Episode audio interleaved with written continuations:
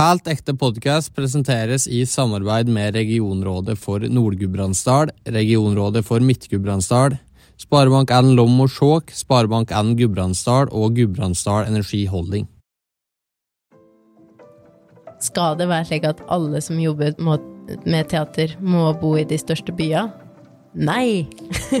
ja, men du trenger jo Du trenger variasjon, og du trenger En blir jo inspirert av det en er rundt, så det er viktig at, uh, at uh, ikke alle bor i Oslo. Du hører på Helt ekte med inspirerende Gudbrandsdøle. I denne podkasten skal vi prate med Gudbrandsdøle som har våga å gå sine egne veier, fulgt sin lidenskap og vært framgangsrike på sine områder. Hos vil gjeste en del historier, erfaringer og refleksjoner fra egne liv. Hvem er oss har med oss i dag, Livet?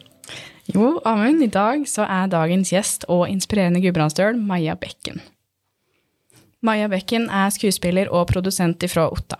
Hun har gjort store produksjoner med bl.a. teaterlegenden Philippe Chanty og det programmerende teatret Black Box i både inn- og utland. Bekken har bodd i Paris og vært på to verdensturneer med produksjonene Forget Me Not og Inner Landscapes. Hun var med og starta teatergruppa The Great Pretenders og Rainy Day Production, stasjonert på Otta. Bekken har i tillegg spilt i og er produsent for det populære Kristin-spelet på Hjørungard, og er nå aktuell med figurforestillingen Jeg vil ikke bli ved stur. Maja Bekken, velkommen til Helt ekte. Tusen, tusen takk. Koselig å ha deg her. Veldig koselig å være her. Hvordan har du det om dagen? Jo, takk. Eh, bare bra. Det er vår og ja. Eh, snart påskeferie og. Mye spennende som skjer. Det er det. Um, det er han i dag, og så på slutten av dagen, skjønte at uh, du har hatt noe prosjekt tidligere i helga? Uh, ja, i helga Altså, jeg kommer rett fra Frankrike. Ja. Mm. Så jeg har vært der i to uker på tur. Så kom jeg igjen i natt. Så i dag har jeg vært og Hva har jeg gjort i dag? I dag har jeg kjørt Lego eh, Legobiler. Eh, Hoppa med legobiler. Eh, og så kom jeg hit. Ja. Hoppa med legobiler? Eh, ja, du. Eh, min bror driver og ordner til noe slik eh, konkurranse om å bygge den raskeste legobilen, så vi har drevet og testa litt eh, i dag på verksted. Så var vi på verkstedet vårt og testa rampa. Ja, ok, så det er ikke på Snøg, det er bygd ei rampe Bygd ei rampe, ja. For så, å hoppe lengst, eller er det liksom triks, eller?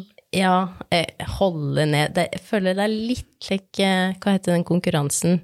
Den derre ned ja, Der du hopper i vannet med like sjølbygd båt. eh, tar sjansen. Jeg føler er litt tar sjansen med legobil, på en måte. Kanskje. Hvem er det retta mot? Du, det er noe som skal En konkurranse som skal foregå på Motorfestivalen på Otta. Som er slik en ny festival som de begynte med på Otta i fjor. Som skal foregå i mai da, i år. Og så da er det bare å bygge seg bil og bli med på konkurranse.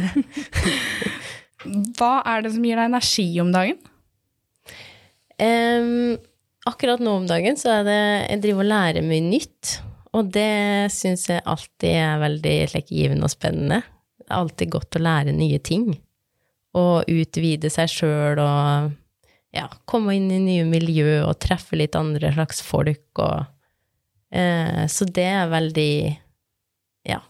Det er veldig like, givende, syns jeg, og spennende. Eh, slik som jeg jobber nå, så jobber jeg mye som skuespiller på turné eller for andre kompani, at jeg jobber litt her og der. Så er det mye reising, så vi driver og ser om vi kan klare å lage noen spennende ting som foregår, som er basert på det vi driver med, som er teater- og animasjonsfilm, men som foregår i Gudbrandsdalen. Åssen ser en vanlig dag ut for deg? Um, en vanlig dag uh, Hva slags vanlig dag? Da? Finnes det vanlige dager? uh, jeg husker jeg hadde Jeg husker en gang jeg hadde slik Jeg bodde i Frankrike, uh, og så jeg tok en, Når du jobber i Frankrike, så kan du på en måte jobbe deg opp noen slags timer der du kan få forskjellig slags kursing. Så jeg hadde språkkurs eh, med privatlærer, og så hadde jeg oppgave Kan du skrive ned en vanlig dag, eller dagen din i dag, da, eller liksom fra du våkner. Eh, og så tenkte jeg på det, da lå jeg i et like, teaterstudio som han Philip Chanty har i, i Paris, og så der vi kan overnatte, og så i andre etasjen, og så er det et like, dukkeverksted eh, i bakgården der, og så er det eh, nede så er det en sal som det er mye slik qigong, og plutselig så våkner du til eh, Er det operatime der, liksom, eller altså Du vet aldri hva som skjer, og så er det kokkeskole ved sida av der, og Eh, og så var det en dag jeg våkna opp i senga der og så ned ved sida av meg, og da skulle jeg skrive den der oppgaven, og da, da lå det egentlig eh, kjempeblettsprut eh, som fylte hele rommet, så det var liksom bare en, en tentakkel da, som lå ved sida av senga, og resten av blekkspruten var på en måte inne i naborommet, ja, og fylte hele.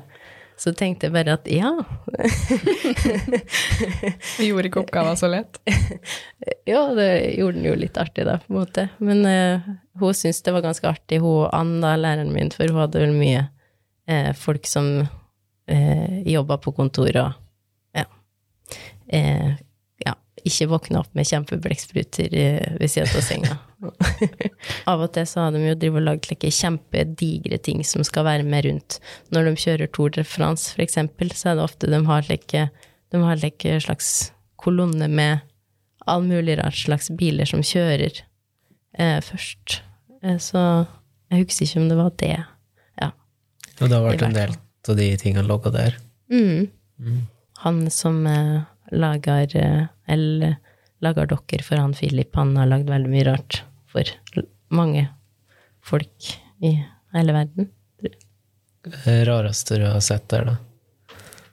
Nei, det um, Tja, hva kan det være? Uh, det, er, det er så mye rart som skjer der. Kanskje en Ja, nei, det kan være alt fra gigantisk blekksprut til gigantisk uh, ingefær. Eller du vet liksom ikke. Hester og alt mulig rart. Og kopier til folk og ja. Veldig mye stilig. Det er så mye spennende ting som blir brukt, eksempel like alginat, som er til å ta avstøpninger av tenner, og veldig like, nøyaktig. Det drev og brukte da, for å ta avstøpninger av Vi hadde i den ene forestillinga slike eh, dob, eh, Hva heter det? Dob, doubles. Eh, en kopi av oss sjøl. Og den var liksom så nøyaktig at du kunne se porene i huden, og blodårer og alt mulig rart. Helt eh, Og det var brukt like slik alginat, som vanligvis tannleger bruker. Eh, det er fascinerende å se, liksom, de drive og leite i slik, byggeforretninger eller tannlegekontorer og finne, liksom, for å finne den treng for å lage de, de ja, perfekte propsa, eller tilbehøret. De har ikke altså ordna et spesifikt firma som har alt det her tilgjengelig. Det må til, til andre, kall det instanser for å finne alginator, for å finne de oppleggene her. Det er ikke så, kall det widespread at Nei, du kan ikke gå på dokkemakerbutikken liksom og få Nei. det. Nei, nei, nettopp. Du må på en måte finne det er litt, Du finner liksom din egen vei, og det er litt artig her da, når vi er på Otta nå og jobber på Nå har vi det verste som vi prater om, som er borti Skansen, som det heter, eh, og det er et slikt industriområde. Eh, og så var vi jo først slik Nei, vi må være midt i sentrum, og folk må se oss og se kulturen og eh, Men så er det egentlig litt like, fint og artig og spennende for oss å være borti det industriområdet og være nabo med byggeren og ha liksom Ja, det er en slik eh, lekeplass for oss. Og hvis de skal kaste ting og gå, gå og se hva vi finner, og, og plutselig kan du lage noe kjempe, kjempespennende ut av det. Så ja, det er litt like, fint, fin ting med å være på små plasser når du skal lage noe, at du eh, Ja, det er så lett å gå til naboen, eller bli kjent med folk, og mye forskjellige folk, og Mm, både når du skal ha, ha ting, og ja, for alt mulig. Mm. Og det syns jeg egentlig ikke eh, I forhold til det å bo på en liten plass, og eh, nå har jo jeg flyttet eh, tilbake til Athena, til Otta, eh, etter å ha bodd mange andre steder. Men det, det, er en ting som jeg liker med å bo på en liten plass, eller som jeg syns er artig, det er dette der med at du treffer eh, så mye forskjellige slags folk i forskjellige slags aldre som driver med forskjellige ting, og at du ikke går inn i en slik gruppe som på en måte er gruppa di, som du finner i en storby. Eller, um, så det syns jeg er veldig fint. Uh, artig, spennende ting med små, mindre plasser. For du har da bodd i Paris, det veit vi. Men du mm. sa nå at du har bodd flere andre plasser òg. Hvor, uh, hvor, var det? Eh, ja, jeg har bodd i Har jo studert i Verdalen, da. Mm. og så har jeg bodd eh, på Så jeg bodde fem år i Trøndelag. Bodde først på Inderøya, gikk på videregående der. Eh, og så flyttet jeg til Verdalen. Um, og så etter det så har jeg bodd litt i eh, forskjellige plasser i Frankrike. Eh, fordi vi har lagd Han Philip brukte jo veldig Han bruker veldig lang tid på å lage produksjoner og slikt, så det var liksom i Paris, og så noen andre byer da, rundt i Frankrike um, i lengre perioder. Og så har jeg vært litt i Oslo, bodd litt mellom Frankrike og Oslo. Uh, ja. Og så har jeg vært, vært en del i Japan. Mm -hmm. Og bodd? Uh, ja, jeg var Hadde en uh, kjæreste i Japan, så da var jeg der i lengre perioder, i hvert fall. Da. Så det var veldig, veldig spennende kultur å få lov til å oppleve. Har du tatt med deg noe hjem igjen eh, derifra? Av verdier eller spesielle opplevelser som eh, veier eh, greit i ryggsekken? Ja, det vil jeg absolutt si. Det var jo De har jo en veldig hva skal jeg si? Jeg følte meg bare litt hjemme i Japan, på en eller annen rar måte. Eh, fordi at jeg tror vi har litt Kanskje litt følt at vi har like slike eh, At en eh, har liksom sfæra si eh, pri, Hva heter det? Privat Grenser. Mm. altså, de har liksom respekt for hverandre, og at du ikke eh, tråkke for langt innafor og slik. Jeg vet et eller annet slikt der. Eh, følte meg i hvert fall veldig like, eh, komfortabel hjemme der på et eller annet vis. Det, det syns jeg har vært eh, rart når en reiser rundt, rundt, omkring i verden. Vi reiste mye med en Philip, så vi var mye forskjellige plasser eh, på turné, og så at noen plasser kjenner bare åh, her føler jeg meg hjemme. Av en eller annen grunn som vi ikke kan forklare. Eh, og så ble det jo etter kort mer og mer kjent med den fransk Den, den uh, japanske kulturen, og de har jo mye uh, Det var mange ganger med han uh, Shota, da, som han heter, mm -hmm. som det var slik Å, nå, nå, nå skjønner jeg bare at vi ikke Dette Nå kan ikke vi forstå hverandre. Dette her er helt Jeg kan ikke skjønne, liksom, hva hva det er som gjør at vi ikke skjønner hverandre. Eh, for det er mye føler er mye i kulturen som er ganske langt fra vår kultur òg. Um, men de har veldig like, poetisk kultur og eh, Som jeg likte veldig godt. Mye slik eh, ta vare på alt rundt deg og eh, sette pris på ting og tenke over ting. Og for eksempel like, der Eh, de feirer jo ikke jul, men til nyttår så var det veldig slik å sette seg ned og bruke mange dager. I hvert fall så gjorde han Sjota det, han sette seg ned mange dager og tenkte over eh, ok, hva har jeg gjort i året som var, og hva, hva ønsker jeg meg i året som kommer? Og så tenkte jeg det var så fint i forhold til like, ja, kanskje litt den norske måten å ha like, nyttårsforsett på og bare Ja, nå skal jeg begynne å trene, liksom. Det, det er jo en bra ting, det, da. Men at det, eh, det, er et eller annet med å virkelig ta inn over seg hva er det som har skjedd, og hva har jeg lyst til, og, og fokusere litt på det, rett og slett. Og være litt takknemlig for ting som har skjedd, og eh, ta seg litt tid, rett og slett, og tenke over eh, livet sitt. Gjør du det? Eh, nei, ikke nok. Men du kunne tatt flere dager til nyttår og tenkt over det året som ja, har gått? jeg syns egentlig det er slik, i hvert fall eh, Ja, tanken på det, det er god. Og så prøver jeg å gjøre det litt mer enn det. Jeg prøver å være litt mer bevisst på det enn det jeg har vært før, i hvert fall. Mm. Mm. Så du, du beskrives jo av andre som en veldig åpen person. Hvor, eh, hvor tror du den åpenheten kommer fra? Jeg i hvert fall, det, det er nok sant. Jeg er åpen for Hvis jeg møter folk og, og um, når jeg fart, er rundt og farter og leker, så liker jeg veldig godt og tilfeldige folk jeg treffer, og treffer liksom alltid noen og spennende folk å prate med. Det er kanskje ikke like typisk uh, gudbrandsdøl, akkurat, nødvendigvis, men uh, Jeg vet ikke. Det er kanskje ikke det jeg er mest kjent for, i hvert fall. Men eh, Jeg husker, jeg burde husker i hvert fall at jeg fikk litt, jeg fikk litt eh, kultursjokk når jeg flyttet til Inderøya på videregående i andre klasse, og så eh, Inderøya, de eh, Straumen, da, der jeg bodde, de skulle, de skulle bli Norges første heikommune.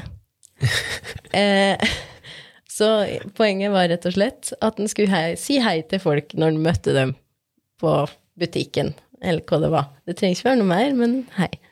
Og så liksom Det var noen slike småting som jeg kjente, kjente litt på da, at jeg syntes det var litt eh, At jeg var litt uvant med det, med det fra hjemme, selv om jeg ikke hadde tenkt over det før. Og det syns jeg er en veldig slik, fin ting eh, og, som en kan gjøre Egentlig alle kan gjøre. Det er så lett å se på noen og eh, smile, for at det kan ha så mye å bety for Altså, du veit aldri hva folk Hva som skjer, liksom, med folk du bare krysser.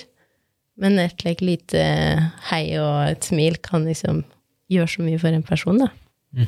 Føler at i Gudbrandsdalen så er det kanskje i skiløypa folk sier hei, Ja. og ellers ikke så fryktelig mye. ja. Det er ja, en god tanke. Du hører på det helt ekte, og dette er Ti kjappe. Stå opp tidlig eller legge seg sent. Legge seg sent. Om du ikke skulle bodd i Norge, hvilket land ville du bodd i? Japan. En ting du ikke kan leve ut av? Sol. Fors eller nach? Fors. Komfortabelt eller pent kledd? Pent kledd. Mandag eller fredag? Fredag. Individualist eller lagspiller? Lagspiller. Vin eller øl? Vin. Støtt 20 minutter for tidlig ute eller 10 minutter for sein? 10 minutter for sein. Favorittplass i Gudbrandsdalen? Kringseter.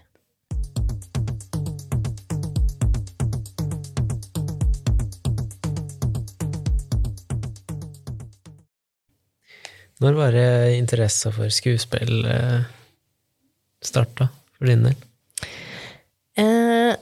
Nei, jeg har liksom alltid Det var Det var jo mamma, da, som skulle ha med meg på skitur i helgen, så jeg fikk ikke lov til å være med på barneteater. Eh, men det hadde jeg lyst til av en eller annen grunn. Aner ikke hvorfor.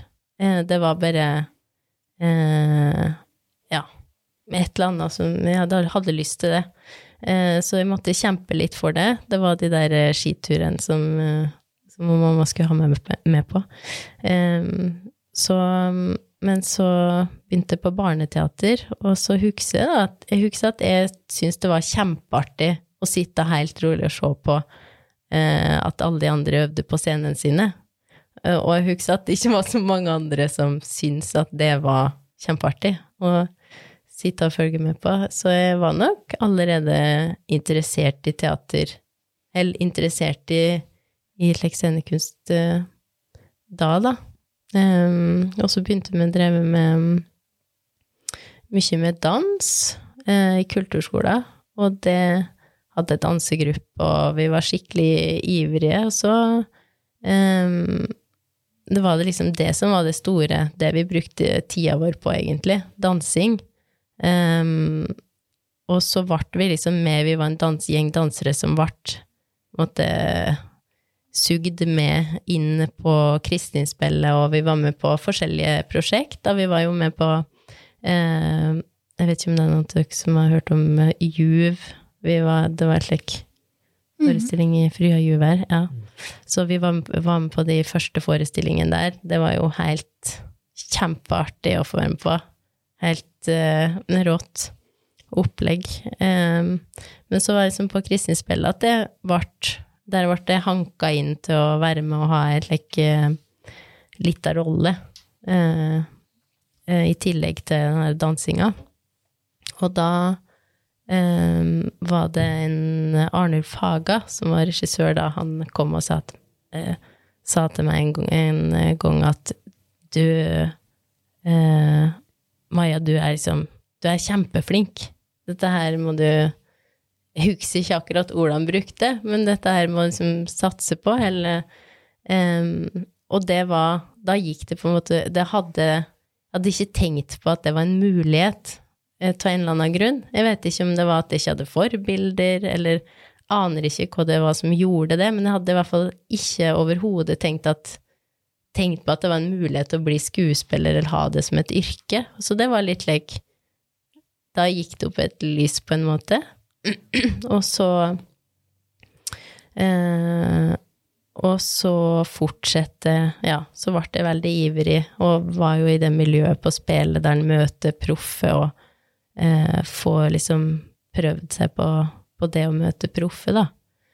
Um, så, som var en veldig fin arena. Um, og så hadde når jeg var uh, Når jeg var 15 år, så hadde jeg ei ulykke der som var ganske på Ja, ei ulykke på snowboard som gjorde at jeg der jeg havna på intensivavdeling, og det var ganske alvorlig, da. Um, det kunne gått begge veier, skulle jeg si. Uh, og det gjorde på en måte at jeg, sjøl om jeg var bare 15 år da, så fikk jeg veldig slik uh, Ja, klar eh, Jeg fikk et litt annet perspektiv på ting, og fikk veldig slik klart bilde av Jeg visste hva jeg ville, og hva jeg hadde lyst til, og jeg var ikke noe redd for det heller. Jeg var på en måte ikke Det var jo når en hadde vært liksom nesten død, så følte jeg at da var det, da var det ingenting å være redd for mer. Så da hadde Da det, Ja. Da var jeg liksom Nei, det ville satse på, på prøve på teater, og så litt like Hvis det går det ikke, så går det ikke. Det, da har jeg i hvert fall prøvd. Så jeg bare kjørte på. Og så gikk for det. Så ja, var jeg på eh, opptaksprøver eh, etter eh, når jeg gikk siste året på videregående til teaterskolen i Verdalen, da, som eh, da har en litt like alternativ til den i Oslo, med litt annen tilnærming til kanten jobbe. Um, teknikker og slik.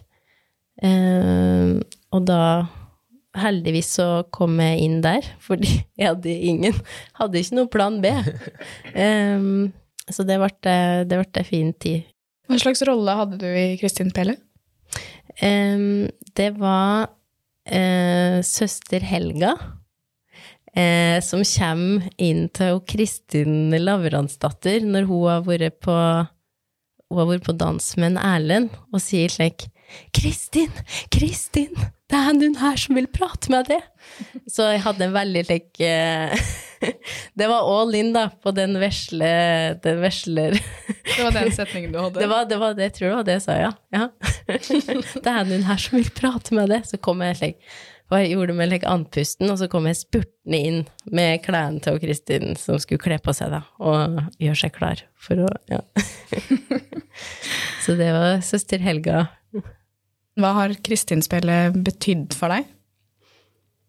Eh, det har betydd utrolig mye.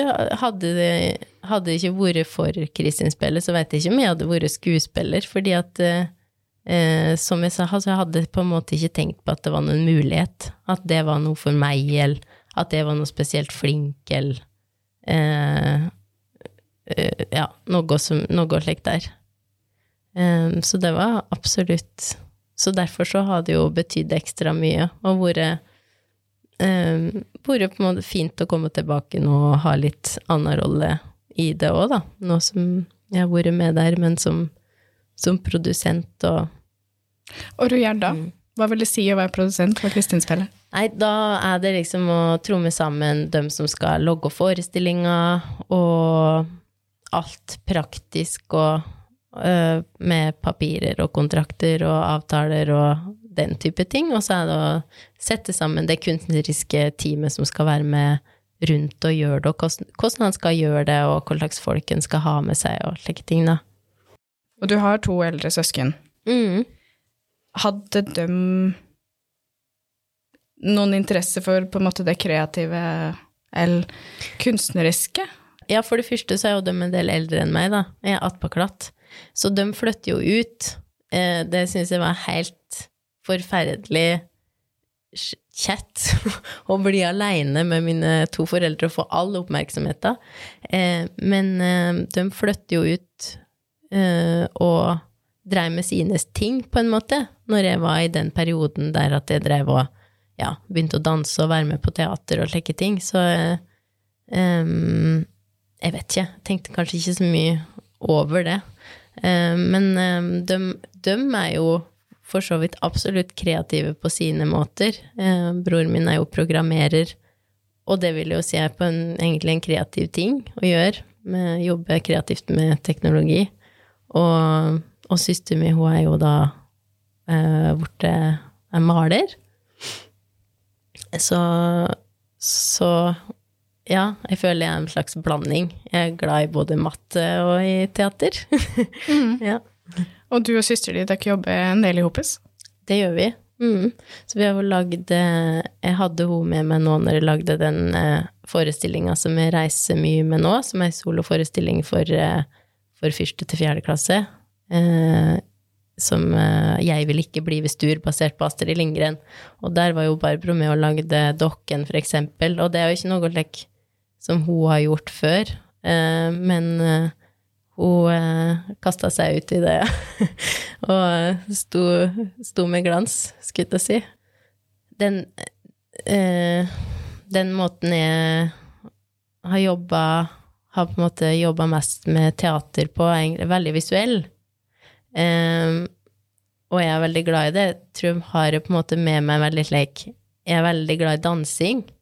Uh, og når jeg skulle velge linje på videregående, så var jeg veldig Jeg gikk et år på danselinja, så, så syns jeg ikke det var noe artig å gå på danselinja og få liksom vurdering og karakterer på Jeg ville ikke det, da. Jeg ville bare beholde det som slik noe som jeg sjøl er veldig glad i fordi jeg er glad i det.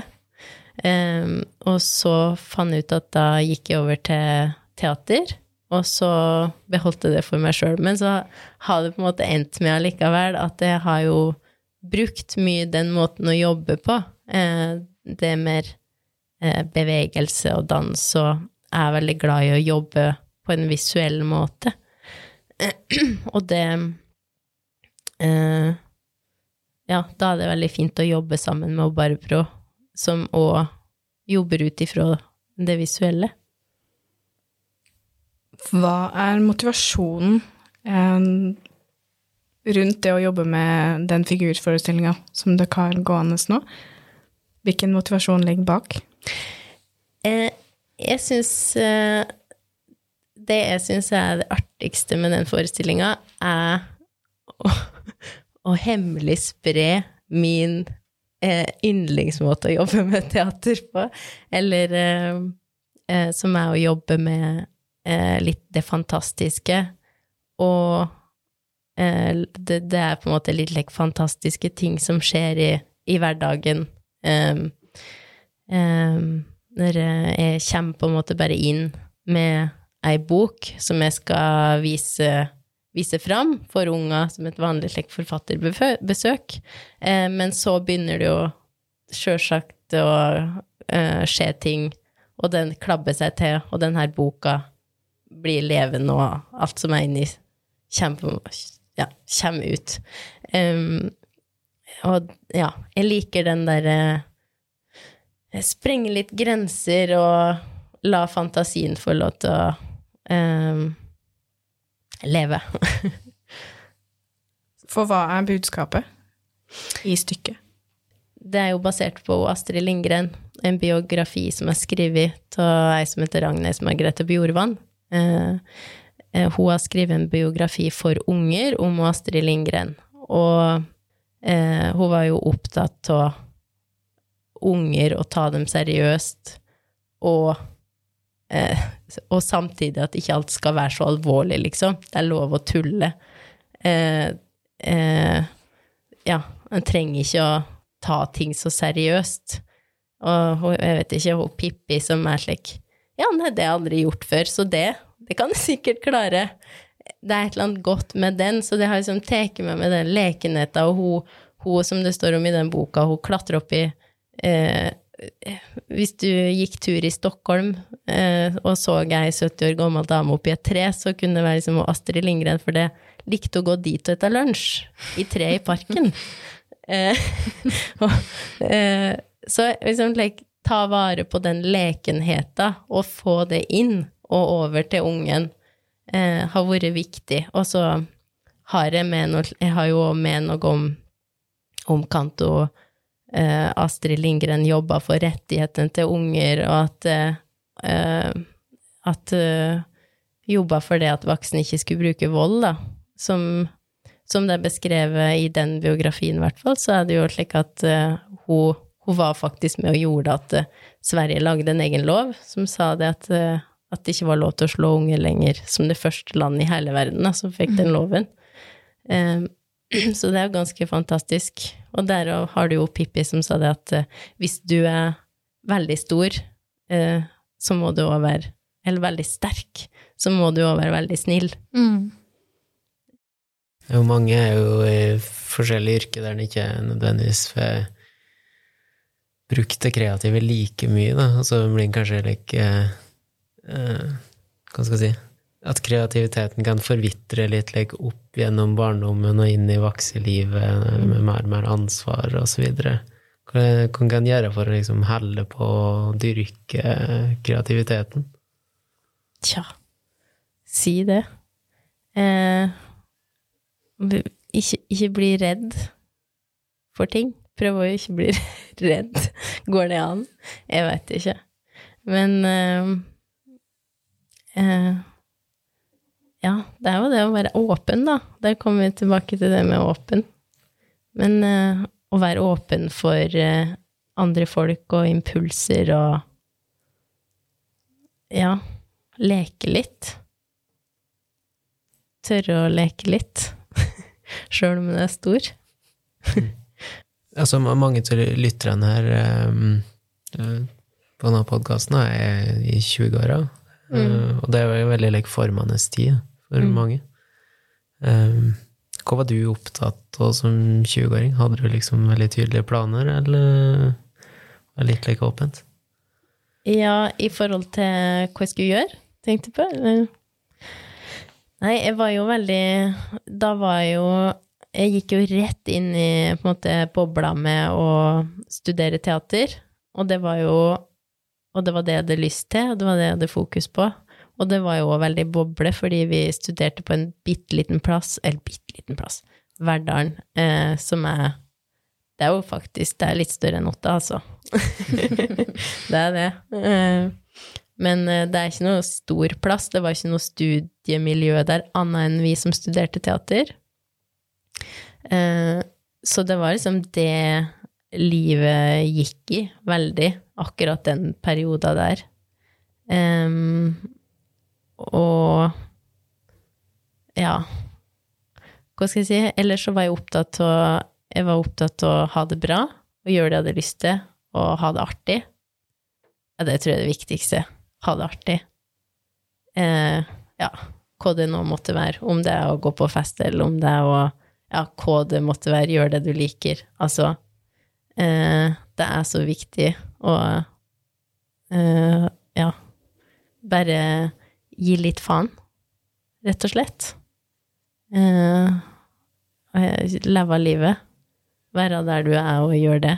Og så Ting ordner seg, liksom. Det er ikke eh, Jeg var på en måte eh, Ja, det er jo ikke alle som veit hva de har lyst til i den alderen der, og da Så jeg vet ikke om jeg var heldig, jeg vet ikke om det er en bra ting, eller hva det er, men jeg, det var i hvert fall eh, hadde bestemt meg for at jeg hadde lyst til å bare ikke være redd for om det var en riktig vei å gå, om jeg kom til å få jobb. Altså, du hører jo slike ting hele tida. Skuespillere er så egoistiske og sjølopptatte. Passer du til å være det, Maja? Det kommer til å bli helt forferdelig for deg å gå i et slikt miljø.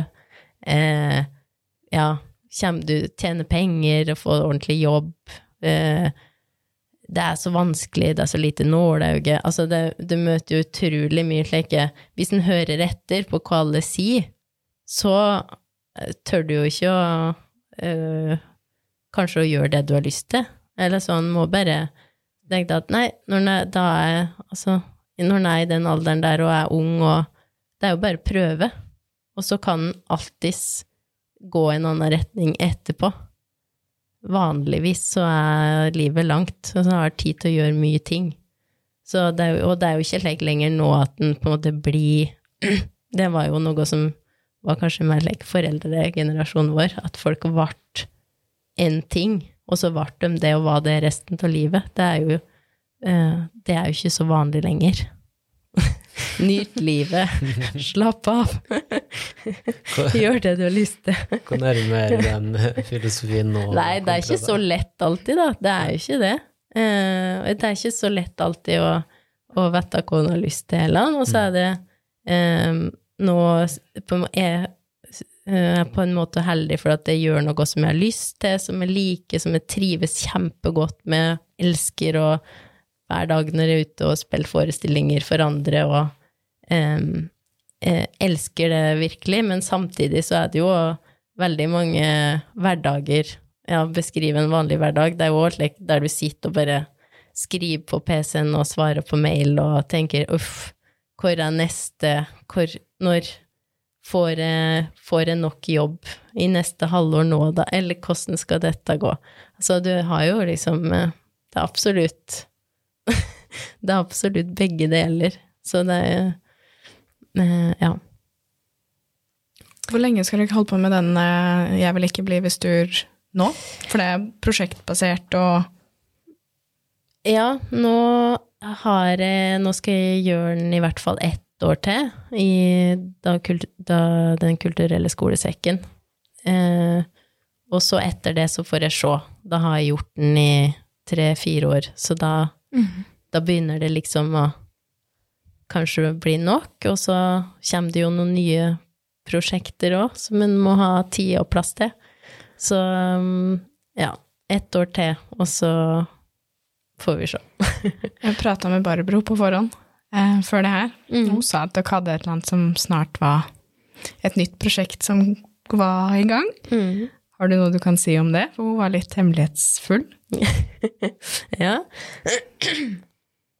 Ja, det er jo naturlig. Eh, nei, for, eh, for oss BP så har jeg jo begynt i, eh, å jobbe litt i noe som heter MIFORG. Eh, organisasjon for mytisk forskning. Okay. Eh, som er en organisasjon som eh, egentlig jobber med å forske på paranormal aktivitet. og da er det jo slik at vi har utrolig mye like, myter og sangen og slike ting fra Gudbrandsdalen. Um, og uh, det hender jo at det er litt uh, aktivitet som er unormal, som uh, foregår, og vi prøver å forske på dette her, og trenger da folk til å være med inn i forskninga vår. Eh, eh, så det er da Det går an å sjekke ut Myforg absolutt, på Instagram, hvis du er interessert i å være med i denne forskninga. Eh, så kan jeg si at det kommer til å skje forskning eh, utover sommeren 2023. Eh, så det er bare å være obs, følge med og hive seg på. Hvis du ikke er mørkeredd Åssen er det connecta til, eh, til skuespillerjobben du har, på en måte? Nei, det kan du si. Hva er det som er ekte, og hva er det som er falsk? Eh, det kan jo lure på. det passer eh, for folk som er glad i litt eh, spenning og eh, ja, ikke er mørkredd, kanskje. Glad i litt horror. Ok. Dere har hatt ei uh, nattforestilling, har jeg hørt, på Otta. Ja, Fra helgen 11 til helgen 8 ja, om morgenen. ja, det har jeg hatt nattforestilling, ja, sammen med Great Pretenders. Um, da gjorde vi et, eh, et eh, Ibsen-stykke som gikk over, uh, gikk over en hel natt. Så var det Fru Inger til Østeråt. Der er det jo for øvrig absolutt eh, spøkelser eh, involvert i det stykket, inkludert dem som sto på scenen nede. ja. Nei, det var eh, heftig. Heftig, heftig. Så da hadde vi Det var en sommer vi brukte Kulturhuset hele sommeren, og så hadde vi vel 25 i hvert fall 25 proffe utøvere som var, var inkludert. Og så spilte vi da forestillinger eh, fire helger på rad over natta, da. Så um, var det slik at publikum kan på en måte gå inn og ut som de vil. Ok. Mm. Og så hun Da var det hun Marie Jenny Kassenbakken som var, hadde regien, og det var, var jo en litt spesiell form for eh, Hun hadde live-regi, slik at eh, vi hadde jo øvd inn en hel haug med scener. Eh, og så visste vi jo godt av gangen i stykket, og så fikk vi liksom det endelige settlista med scener som skulle være med.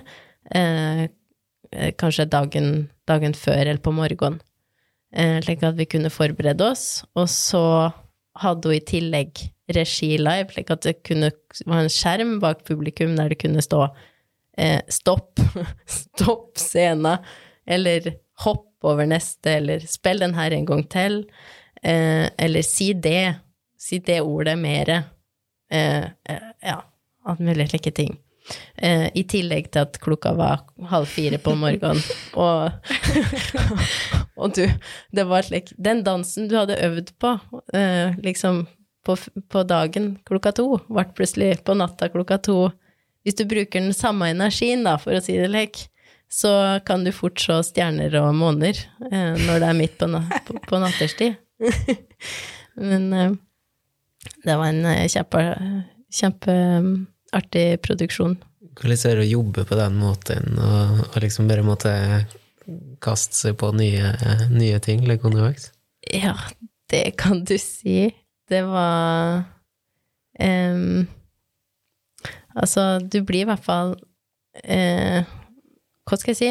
Du får liksom ikke tid til eh, uttrykket Det blir på en måte litt skrelt litt ned, for du får ikke tid til å være så forberedt. Um, det er noe som vi jobba mye med på skolen og for så vidt Eller det, det er et eller annet med at du må på en måte Du skal jo klare å være ekte når du spiller teater. Og ofte så kan jobbe med ting for å få tekst og like, ordentlig ekte eller ordentlig bra. At du på en måte jobber med å slite ut en person, da, for eksempel. Det er en slik teknikk du kan bruke. Eh, jeg husker vi drev og hadde slik at vi Ja, alle står alle de andre i klassen sto og holdt en person nede, og så må du prøve å komme deg opp mens du sier teksta di, eller ja, slike ting. Um, og så, så, så føler jeg at dette ble jo veldig en slik naturlig måte på en måte få cut the crap, uh, straight to the bone, Uh, naturlig og ekte framføring. ja. Em, det blir ikke noe polert, da, kan du si. Du får uh, fjerne litt av polishen. Um, så det blir litt like rått, rått uttrykk, kanskje. Hva slags folk er det som kommer og ser på midt på natta? Eh, nei, da hadde vi på Frunger så hadde vi samarbeid med Blackbox, og de bussa, kjørte busser oppover fra Oslo. Eh, og så hadde vi stoppested noen plasser på veggen, på Hamar og eh, Lillehammer, så det gikk an å hoppe på. Eh, og ellers så var det jo litt lek eh, Det var jo litt utfordring å nå ut til de lokale og få eh, ja, få, få, folk til å skjønne hva som foregår går før det er for sent, da.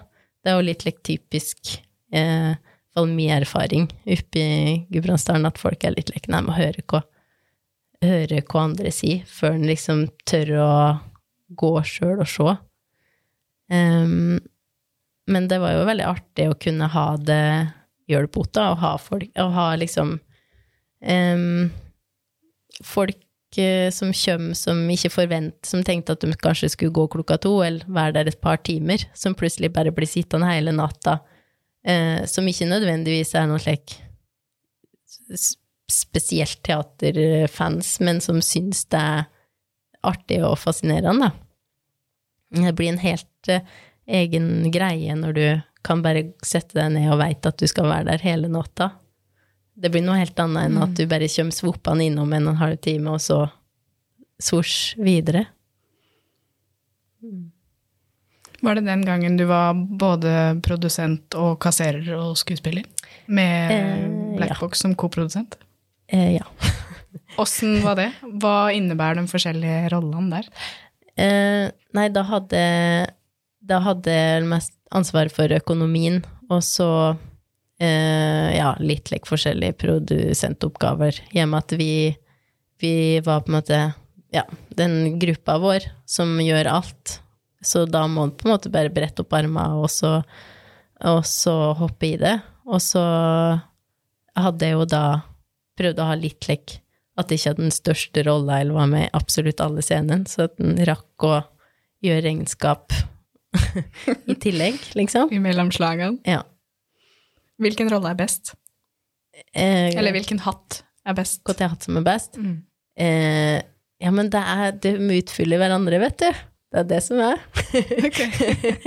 ja. Det er slik eh, Det er liksom eh, mm, Er det ikke alltid litt slik, da? At du alltid liksom har lyst til å gjøre det som du ikke eh, Det som du ikke gjør sjøl. Altså Gresset er støtt grønnere på andre sida.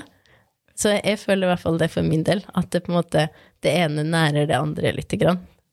Mye regnskap, da får jeg veldig lyst til å være på scenen, og så, og så av og til så trenger en å ha litt lek. Gjøre litt leke ting som har rett og feil. rett og feil svar er godt av og til. Ja. Enklere å forholde seg til, på en måte. Mm. Ja. Um, Noen ganger så er det godt òg, med litt like system og orden. Vi har hørt at eh, det ikke alltid er like lett å balansere den, eh, det jobblivet og den eh, hjemmelivet, kall det det. Og at det kanskje er fort gjort å glemme å ete middagen og, og litt slik. Åssen åssen klarer du det, når du er i egentlig prosjektboble og balanserer jobb og hjemme?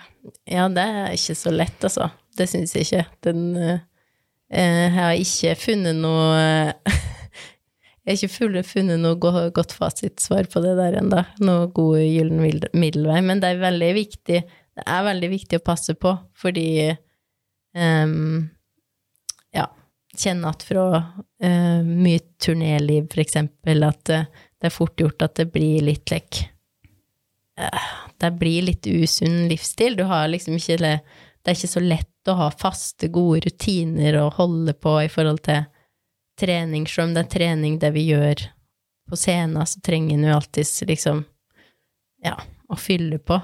Um, så det, det er vanskelig å få rutiner og slike ting. Så det, det er liksom både plusser og minuser med det, da.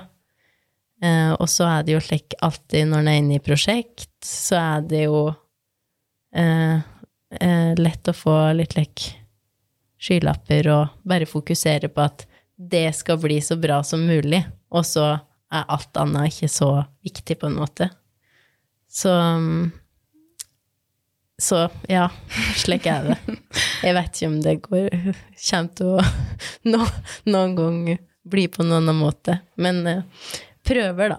Og det er jo litt viktigere. Nå har jeg jo blitt mamma og har ei lita jente som er tre år nå, så da er det jo liksom Da kan jo ikke Da sier det jo seg sjøl at en kan jo ikke ha de samme En kan jo ikke være like boblete og gå og så glemme alt annet. Det går ikke an. Har hun vært med deg til eh, Frankrike nå? Det sa du Vikon som har vært der? Ja. det har hun. Hun er halvt fransk, så Ja. hun har vært på besøk som beste mammi og pappi. Stas. Mm. Ja. kan du fortelle litt om de turneene som du har vært på? Eh, ja, jeg har jo Jeg begynte jo å jobbe med en Philippe Chanty i Frankrike etter at jeg hadde studert. Vi jo lagde Hovedprosjektet vårt på skolen var sammen med han, så eh, etter det spurte han om vi ville turnere med den forestillinga, for han var så, ble så han ble fornøyd. Eh, og han hadde aldri jobba med unge studenter før, så han var ikke helt sikker på hva dette skulle gå, tror jeg. Men uh, han uh, ble fornøyd og spurte om vi ville reise på turné, så det sa vi ja til. Uh, som gjorde at vi da, etter det, var vi på en treårs, tre år lang verdensturné, og reiste rundt overalt med den eh, forestillinga. Så da han Philip, han var jo Hadde jo allerede et stort navn, så han er liksom kjent i å ha turnert både i Sør-Amerika og Nord-Amerika og, og Asia, han er veldig populær, og ja, mange plasser i Europa. Så vi har vært mye rundt omkring med de forestillingene, så det var jo en veldig artig måte å eh, komme seg litt rundt på, se mye, oppleve mye, treffe mye slags folk. Og så han har liksom lagd sin egen stil, egentlig, innafor det jeg vil kalle visuelt teater, som ikke alltid er så lett å sette navnelapp på, for det er litt teater, det er litt dans, og så er det jo litt eh, det noen vil kalle magi eller illusjonist Ja, illusjonisme, kanskje. Eh, han er ikke så glad i det uttrykket sjøl, men eh, ja.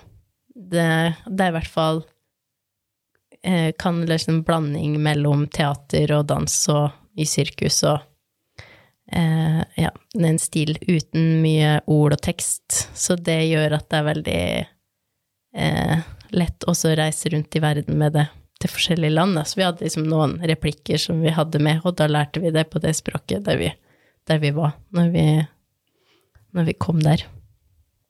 Så det verste landet var Danmark. For da burde du få det til.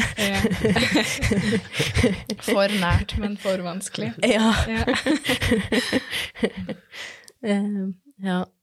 Nei, så da var vi et team med skuespillere og teknikere og slik som reiste rundt sammen. Så det blir jo nesten som en eh, Det blir jo på en måte som en liten familie. Altså, du blir så godt kjent, og det blir dem du har rundt deg. Og du rekker jo ofte ikke å Du er ikke hjemme og rekker kanskje ikke å treffe venner og familie ellers. Så det blir liksom slik Det blir jo en veldig slik boble, da, over noen år, der du er veldig tett sammen, og så plutselig så er det verdt det sitt, og så jobber du med et annet prosjekt. Så er den bobla over. Så det er litt slik Ja. Er det tøft Ja. å gå fra det, på en måte? Ja, jeg, jeg syns ofte det. I hvert fall det syns jeg er godt med, med de prosjektene her, hvor at du um, Av og til så er det jo at du logger ei forestilling, og så har du kanskje bare uh, Har du kanskje ikke så mange forestillinger, eller bare en måned eller ikke før det er slutt. Uh, uh, så, så jeg liker veldig godt å kunne jobbe, jobbe, eh, og gjøre ting over tid, og få gjøre det lenger. Men det er absolutt eh, liksom spesielt dette med at eh, eh, at du er så inni det, og med den gruppa med folk og slik, og så plutselig så er du ikke det lenger. Eh, Så er det litt slik, av og til så er det nesten litt slik at det er ha, Har det vært? Eh, så da er det godt å ha en eller annen plakat eller ei bok eller eh, Ja. Um, så nå har vi jo, sjøl om vi, vi var jo en gjeng in, som jobba sammen, en internasjonal gjeng, um, så vi uh, I produksjonen etter denne produksjonen her, da, så jobba jeg videre med Philip, så Men vi, så nå er det jo lett å prates via internett, heldigvis. Så vi holder jo kontakt. Men, eh, men absolutt, det er litt spesielt akkurat dette der, med at er, du er så tett sammen, og reiser rundt og treffer folk som har lyst til å se, og på en måte Ja, at en føler at en av og til at en eh, Ja, inspirerer, da, med gjør, gjør noe annerledes for hverdagen til dem der du kommer, og så eh, Og så er det plutselig liksom bare slutt, og ja. Hvor tok med deg fra Gudbrandsdalen og inn i det, den turneen, og, og eventuelt motsatt, hvor du tok med deg fra der og, og hit igjen? Um, jeg har med meg veldig Jeg tror uh, en ting som har vært viktig for meg, det er det med eh, naturen. Altså, når vi jobber med en eh, Philip, så er det jo slik at det er liksom ikke han som sier Han sier ikke Det er ikke slik at nå skal du gå dit og si det, og eh, det er mer at du er med å skape ting sjøl. Eh, Og ting blir skapt ut ifra alle dem som er med. Eh, Så vi er med og improviserer og lager alt. Og så det er jo alt, alt vi gjør, er henta fra inspirasjon fra oss, fra våre minner og våre opplevelser og slike ting. Så jeg har liksom merka at, at mye med Ja, mye, med natur og sjølsagt folk og ting en har opplevd, men òg liksom Det er noe med energien fra oppe i fjellet, oppe i Rondane, lyset eh, Det er mange slike ting som har vært med på å forme det som, det som jeg har gjort, faktisk. Um, det er Ja, det kan være en improvisasjon der du tenker på ei fjellbjørk eller soloppgangen oppi Rondane, og så er det like Hva var det Hva var det Hvor var det du gjorde nå? Hva? så, um, ja, så det har jeg, har jeg hatt med meg rundt. Eh, hva var det som gjorde at du valgte å flytte Athena til Otta for å fortsette skuespillerkarriere der? Eh, ja, det kan du si. det er mange som har spurt om. Ja. Eh, nei, du, da hadde jeg vært Og da hadde jeg bodd en del i Frankrike, og så hadde jeg jobba eh, med en Philip og Rest mye rundt eh, i, Mye rundt på turné eh, i ja, åtte år, eller hva det var. Og så kjente jeg at ok, nå Nå er det Det var begynt å bli tid for å gjøre noe annet. Eh, og så hadde jeg lyst til å flytte til Norge igjen. Eh, det var fint å bo i, i Frankrike, men eh, ja, kjente at jeg hadde lyst til det. Og så var jeg litt lekk at da hadde jeg liksom bodd i Paris og vært en del i ja, hvor mye andre storbyer og var litt lekk Nei, da har hvis jeg først skulle det, så, synes, så hadde jeg egentlig lyst til å eh, ikke bo i ei lita leilighet i byen og, og måtte liksom jage for å tjene nok til husleie hele tida, og ja, da hadde Så da bestemte jeg meg for at eh, nei, jeg reiser til Otta. Og så hadde jeg lyst Ja, jeg hadde lyst til det. Um, å lande litt, på en måte. Ha litt mer plass og ro og eh, fort å komme seg ut og eh, komme seg på tur og eh, Ja. Så det var liksom kanskje eh, Ja. Hadde behov for å lande litt, rett og slett. Så da tykte jeg det var fint å komme hjem til, til fjellom. Skjønner jeg godt. Mm. Det er jo Mange har jo litt likt dere Hva skal jeg si Et slags litt like prosjekt i et litt like større prosjekt i bakhugget, som er litt like eh, bakgrunnen eller en grunn for eh, at en gjør det en gjør, da. Eh, hva, hva er ditt prosjekt? Um, uh, altså uh, Jeg hadde òg Du kan si at eh, både det å få jobbe med en Philip og ja, alt det jeg har gjort, um, og det at det er verdt å flytte til Otta òg, det, det vet jo kanskje alle, men det er ingen store teatre på Otta. som det går an å jobbe på.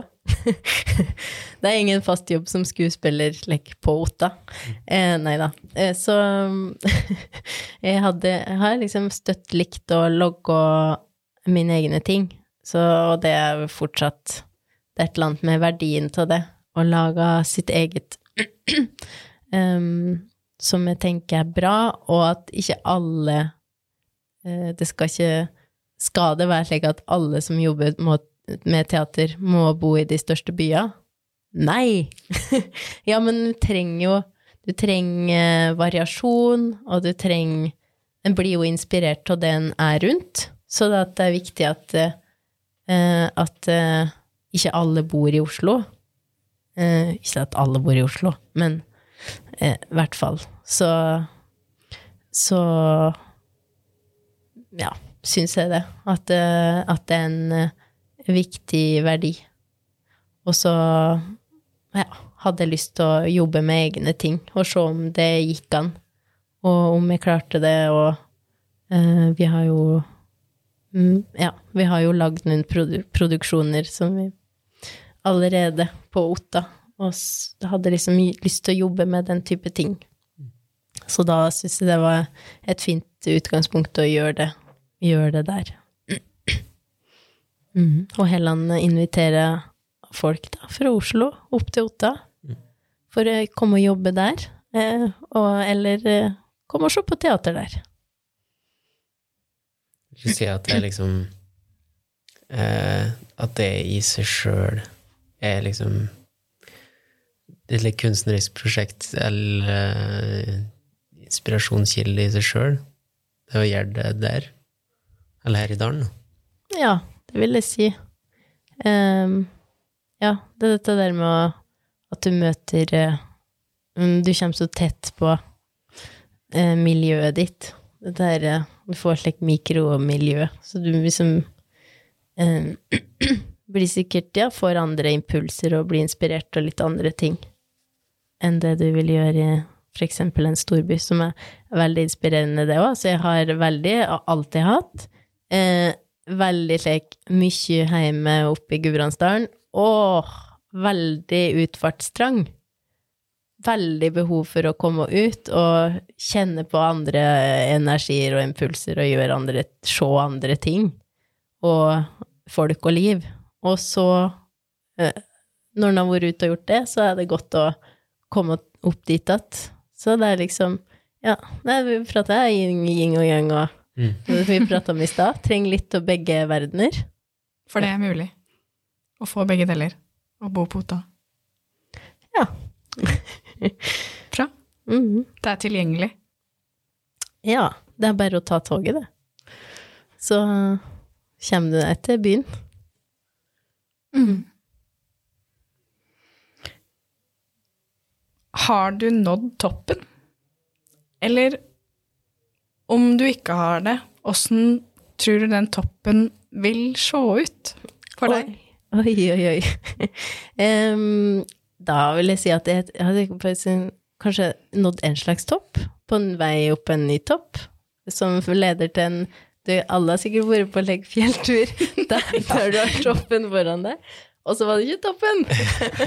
Nei da. Det er bare å gå på videre. ja. Så det er nok litt lek.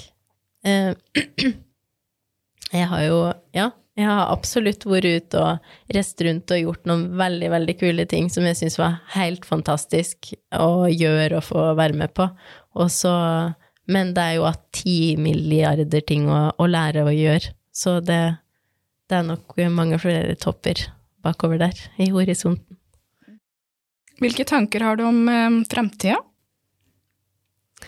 Um, ja, altså um, Jeg hadde jo slik tanke om at hvis jeg uh, Ja, altså hvis en er skuespiller, da, for eksempel, og skal stå foran Du skal jo på en måte stå foran folk og inspirere Jeg føler at den alltid Du må, du må gi til deg sjøl. Eh, du skal jo ikke Hvis folk ble lei til å se på deg når du står der, så funker det jo på en måte ikke. Men så er det jo slik at eh, livet går jo opp og ned, og en har jo bølger og daler, og det er jo ikke alltid en føler seg like bra. Um, og så skal du allikevel stå der og levere, på en måte, uh, og inspirere. Um, men um, så hadde jeg tenkt at ja, den dagen jeg ikke er inspirert mer, eller at jeg ikke liksom kjenner at jeg kan gi det som det trengs og krever, da tar jeg også eh, ordner meg slik fjellstue, og så, og så ja, er slik vertskap i fjellet. Yes, du tenkte, så jeg hadde liksom det som lek, Det har alltid hatt som Det har liksom som lagt meg fra begynnelsen som slik plan B, men så tenkte jeg, så har jo alle hatt noen lek. Det har jo vært opp og ned, og så veldig mange damer på 30 år som ja, får familie og slutter å jobbe med teater, og i hvert fall frilansere, for det er jo ikke liksom eh, så veldig superforenlig med et vanlig familieliv å drive og reise rundt og turnere og jobbe her og der og um, Men så har jeg tenkt at det er òg veldig viktig at Tenk hvis alle slutta, så er det ikke at Tenk på alle erfaringer som en nå har.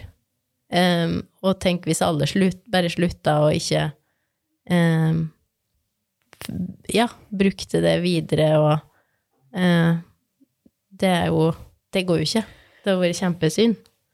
Så det er viktig å representere eh, småbarn, slitne småbarnsmødre som jobber med teater eh, akkurat nå.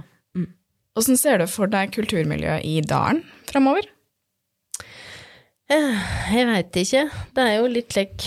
um, Jeg håper at uh, Det er jo litt like, forskjellig. En ser at uh, disse ungdomsmiljøene ser at uh, Ja, for eksempel liksom vi som ikke brydde oss om Jeg brydde meg ikke så om skolen, og så var jeg med på musikal, og syns, mens nå er det ja, det er ikke like mange som vil prioritere på den måten, da, virker det som. Og så er det òg litt like i det frivillige feltet, at folk kanskje Ja, korona, etter koronaen og slik, så ser en jo det med Kristin Spell og eh, som alle andre har sett, at eh,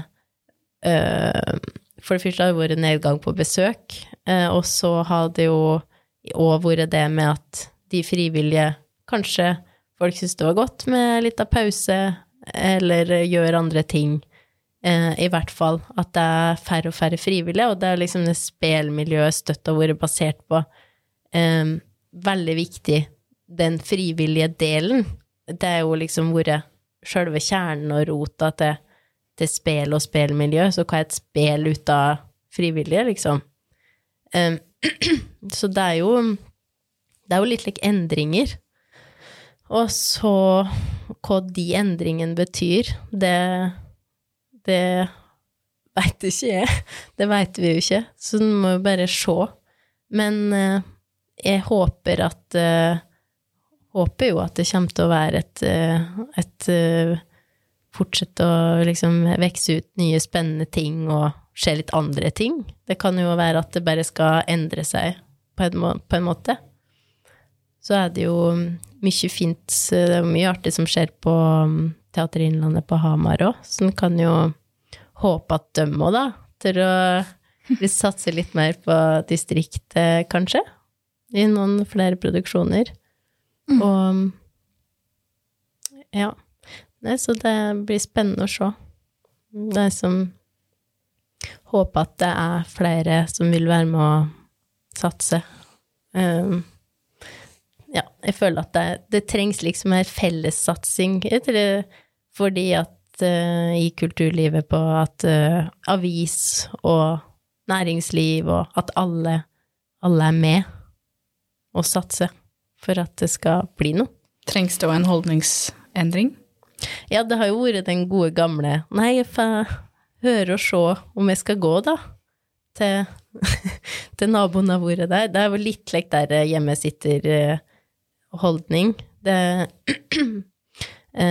det hadde jo støtt vært. Så det kjente jeg veldig på i Trøndelag, at de var jo Det er så flott! Ungdommene har teater på Kogmo! Jeg kan ikke gå, men du må gå! Det var liksom eh, Det var veldig wow, uvant for meg. Em, det er da en merker at det er kulturforskjeller, selv om en eh, er ganske nærme hverandre.